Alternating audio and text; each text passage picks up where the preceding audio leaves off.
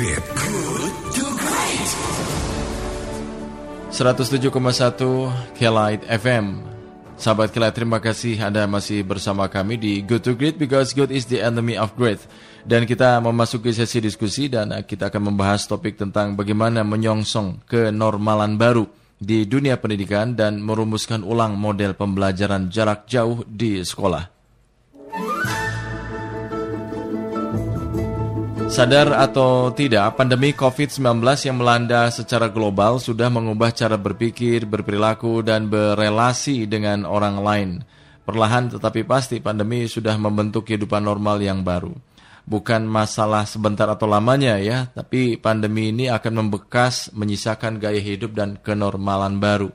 Sebelumnya hal yang tidak normal akan menjadi gaya hidup baru seperti work from home, kemudian pembelajaran jarak jauh sampai dengan berbisnis dari rumah. Nah, pandemi COVID-19 bagi Indonesia sisi hikmahnya mampu menyingkap sisi kesiapan kita sesungguhnya akan praktik pendidikan di abad ke-21 ini. Pertanyaan besarnya, sudah siapkah sistem dan kultur kita? Apalagi sistem pembelajaran jarak jauh uh, akan menjadi kenormalan baru di masa mendatang. Nah, salah satu contoh misalnya Inggris yang selama ini dikenal memiliki universitas yang handal, mahal dengan sistem pembelajaran jarak jauh.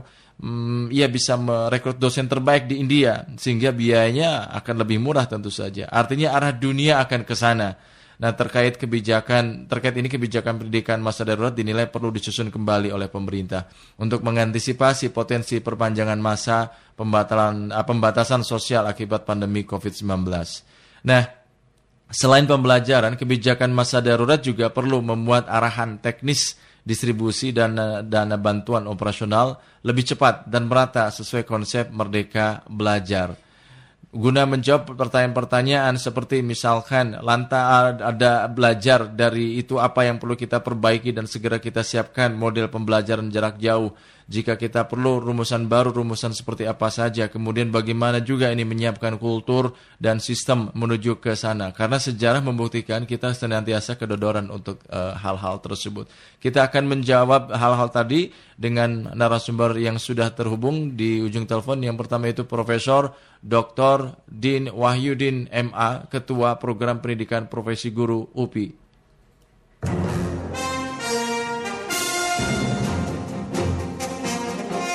Assalamualaikum warahmatullahi wabarakatuh. Selamat pagi, Prof. Waalaikumsalam warahmatullahi wabarakatuh. Selamat pagi, Kang Ijo. Selamat pagi, sahabat Kilait semua. Pagi. Sehat ya, Prof? Alhamdulillah. Alhamdulillah. Semoga work from ini tidak membuat kita semakin uh, bersantai-santai, justru semakin produktif ya, Prof ya.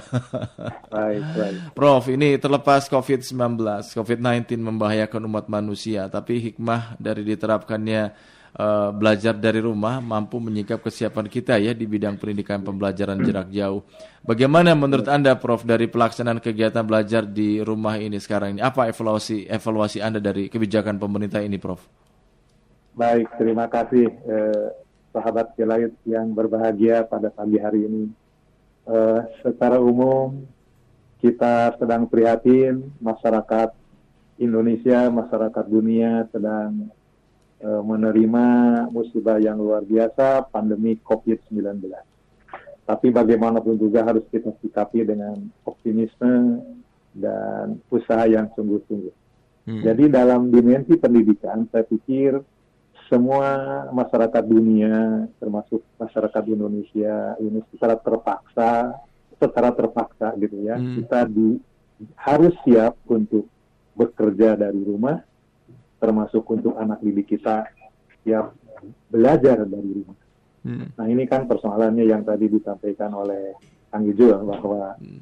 eh, kita dalam posisi terpaksa, walaupun secara regulatif, kalau kita merujuk Undang-Undang Nomor 20 2003 itu terminologi pendidikan jauh jauh itu sudah sudah ada. Jadi artinya secara regulatif dan sudah secara praktis kita laksanakan sebetulnya pendidikan jarak jauh itu. Yeah. Beberapa contoh misalnya ada SMP terbuka, ada SMA terbuka, ada paket A, paket B, itu, itu sudah kita lakukan. Mm-hmm. Tetapi mengapa saat ini memang agak lain suasananya, pembelajaran jarak jauh yang agak lain karena pertama, saya melihat suasananya ini dalam kondisi darurat, tidak dalam kondisi wajar. Jadi siswa belajar dalam kondisi darurat sedang ada musibah.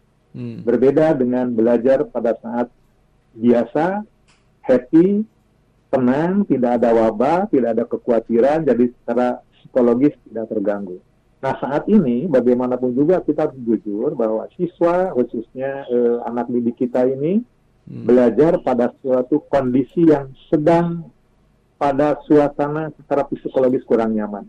Hmm. Oleh sebab itu saya melihat eh, pendidikan jarak jauh yang harus dilaksanakan atau harus yang harus kita terapkan di di, di Indonesia ini pertama harus melibatkan semua pihak. Hmm. Bagi siswa misalnya siswa bagaimanapun juga ada ada pembelajaran baru. Jadi siswa dipaksa dalam kondisi tertentu untuk belajar mandiri, untuk belajar menggunakan berbagai media lain, walaupun mungkin seperti biasanya khususnya di SD, di SMP itu yeah. umumnya kan belajarnya mm. tetap muka. Mm -hmm. Jadi generasi muda kita dikondisikan harus belajar mandiri menggunakan ragam media. Hmm. Jadi artinya siswa harus memiliki kemampuan dan kapabilitas untuk menggunakan semua channel, semua medium yang bisa digunakan untuk belajar. Yeah, yeah. Yang kedua, bagi guru, umumnya guru terbiasa dengan tatap muka Hmm. Nah, dengan kondisi seperti ini, guru dipaksa juga untuk mendesain materi apa yang harus disiapkan, mendesain pendekatan pembelajaran apa yang harus dilakukan, hmm. yang sehari-harinya dia itu tatap muka di kelas. Nah, hmm. sekarang sekali lagi tanda kutip, guru dipaksa untuk siap menyajikan bahan ajar yang cocok kendati siswanya tidak berhadapan langsung. Hmm. Nah ini kan persoalan. Yeah, yeah, yeah. Yang ketiga ini dari pemerintah. Hmm. Indonesia ini sangat luas. Apa yang terjadi di Bandung, pembelajaran di Bandung, di kota-kota besar jauh berbeda dengan pembelajaran di daerah rural, di daerah pedesaan, di daerah terpencil, mas. Gitu. Hmm. Jadi apa yang terjadi di daerah urban dengan zooming misalnya, zooming meeting dengan menggunakan fasilitas WA mungkin sudah hal biasa. Yeah. Tetapi di pelosok pedesaan kondisi seperti ini kemudahannya belum tentu seperti kejadian di daerah urban. Yeah, yeah. Nah, ini kan persoalan. Mm. Gitu. Jadi bagaimanapun juga pemerintah harus menyediakan suatu media pembelajaran ataupun mm. channel pembelajaran di mana aksesibilitas mm. layanan pendidikan itu bisa ya tanda kutip harapannya secara merata bisa dinikmati oleh generasi muda kendati mereka itu di daerah terpencil. Hmm. Nah, lalu Prof, ini survei KPAI mendapatkan yeah. hasil siswa tidak bahagia dengan pembelajaran jarak jauh ya. Jadi berdasarkan yeah. survei Komisi Perlindungan Anak Indonesia ini terhadap uh, eh, 1.700 siswa dari yeah. berbagai jenjang pendidikan itu ya. sekitar 76,7 persen di antaranya mengaku tidak senang dengan mengikuti pembelajaran uh, jarak jauh, Prof. Lah, lantas apa saja yang perlu kita perbaiki dan segera disiapkan gitu bagi model pembelajaran jarak jauh, misalkan uh, minimnya guru yang memberikan pengajaran secara online, mereka hanya memberikan beban tugas saja kepada siswa gitu. Baik, baik. Oke. Okay. Ya, ya, ya. Hmm. Baik. Gimana Prof? Eh, kondisi kebahagiaan, kondisi eh, happiness gitu ya bagi siswa itu menjadi syarat mutlak untuk bisa belajar. Jadi yeah. siswa pada kondisi tidak bahagia, ya tidak bahagia itu berbagai alasan. Yeah, yeah. Bisa saja tidak bahagia itu karena dia stres, hmm. karena dia juga mungkin merasa agak uh, kan ini suasana sedang sedang wabah ini gitu ya. Hmm. Jadi bagaimanapun juga me, me, mengkondisikan siswa itu secara full uh, psikologisnya tidak tidak lengkap. Jadi dalam pikiran saya bagaimana tahap awal membuat siswa itu bahagia. Jadi artinya kalau tadi ada survei seperti itu ya tidak tidak terlalu mengherankan. Hmm sebelum ada pembelajaran mungkin saja banyak siswa atau mayoritas siswa di Indonesia ini karena sedang tadi suasananya sedang pada kondisi tidak normal dia eh, psikologisnya tidak terganggu. Hmm, hmm. Ditambah lagi mungkin tadi disebutkan suatu model pembelajaran di mana hanya memberikan tugas, Hmm. hanya memberikan eh, apa namanya eh, pekerjaan-pekerjaan yang yang dalam kadar tertentu tidak membuat siswa bahagia. Ya. Itulah yang saya katakan tadi. Pertama harus ada kesiapan siswa. Jadi sia- Hmm. siswa pun secara pelan-pelan harus terbiasa belajar mandiri, terbiasa juga belajar dengan menggunakan berbagai media, termasuk juga mengerjakan tugas. Nah ini kan pro- proses panjang. Ya, ya. Yang kedua, bagi guru, Hmm. tadi kalau tadi ada eh, ada suatu survei riset yang menyebutkan guru hanya memberikan tugas tanpa memberikan solusi lain. Hmm. Nah ini juga eh, ini kan aspek readiness gitu ya, aspek kesiapan guru. Ya. Jadi guru yang baik sebetulnya tidak hanya memberikan tugas, walaupun secara teori pemberian tugas itu bagian dari model pembelajaran. Hmm, hmm. Jadi yang pertama yang harus saya pikirkan adalah pertama kan kondisi sedang darurat begini, make our student to be happy. Jadi buat siswa itu bahagia di awal-awal pembelajaran.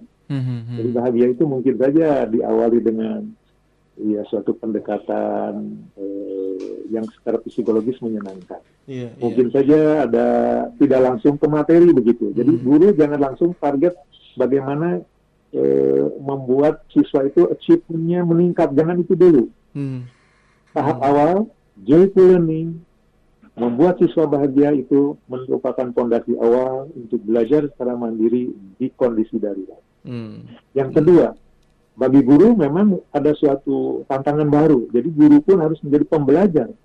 Jadi tadi kalau kebiasaan menyiapkan bahan ajar untuk kepentingan tatap muka berbeda dengan menyiapkan bahan ajar untuk kepentingan jarak jauh. Hmm. Mungkin tahap sekarang itu yang dipikirkan oleh guru secara umum baru karena ini jarak jauh berarti mesti ada tugas yang harus disiapkan. Iya, iya. Memberikan tugas itu bukan satu-satunya cara pembelajaran jarak jauh. Masih banyak pendekatan-pendekatan lain yang harus dilakukan oleh guru sehingga proses belajar mengajar kendati belajar dari rumah Hmm. siswa merasa bahagia. Iya, berarti harus ada Yang ketiga, Hmm.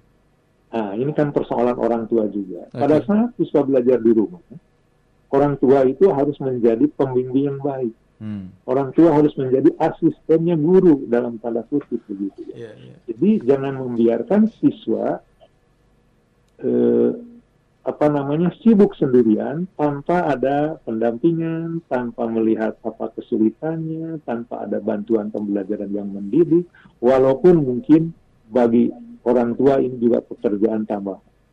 Bagi sebagian orang tua mungkin ada yang belum siap. Karena tidak semua orang tua juga misalnya secara dalam kondisi normal pun tidak semuanya membimbing eh, mengerjakan pekerjaan rumah misalnya Hmm. membimbing Iya. eh, belajar pada saat eh, mengerjakan belajar mandiri di rumah. Hmm. Nah ini tantangan orang tua juga harus menjadi orang tua yang baik, Iya. orang tua yang mampu mendidik Hmm. dengan sepenuh hati dalam tanda kutip mengganti guru karena guru kan tidak tatap muka. Iya. Jadi ada pekerjaan-pekerjaan Hmm. guru yang secara formal didelegasikan kepada orang tua. Jadi harus Nah, ada juga support betul dari orang tua ya, Prof ya. Baik orang tua. Hmm, Baik. Nah, setelah Baik, Prof. eh, terima kasih Prof atas waktunya kita bincang-bincang pagi ini menambah wawasan untuk kami semua yang mendengarkan sebagai edukasi untuk Baik, publik. baik. Selamat pagi dan sukses untuk Anda, Prof. Baik, Assalamualaikum warahmatullahi wabarakatuh. Waalaikumsalam warahmatullahi wabarakatuh. Demikian sahabat kilat Profesor Dr. Din Wahyudin MA, Ketua Program Pendidikan Profesi Guru dari Universitas Pendidikan Indonesia, Bandung.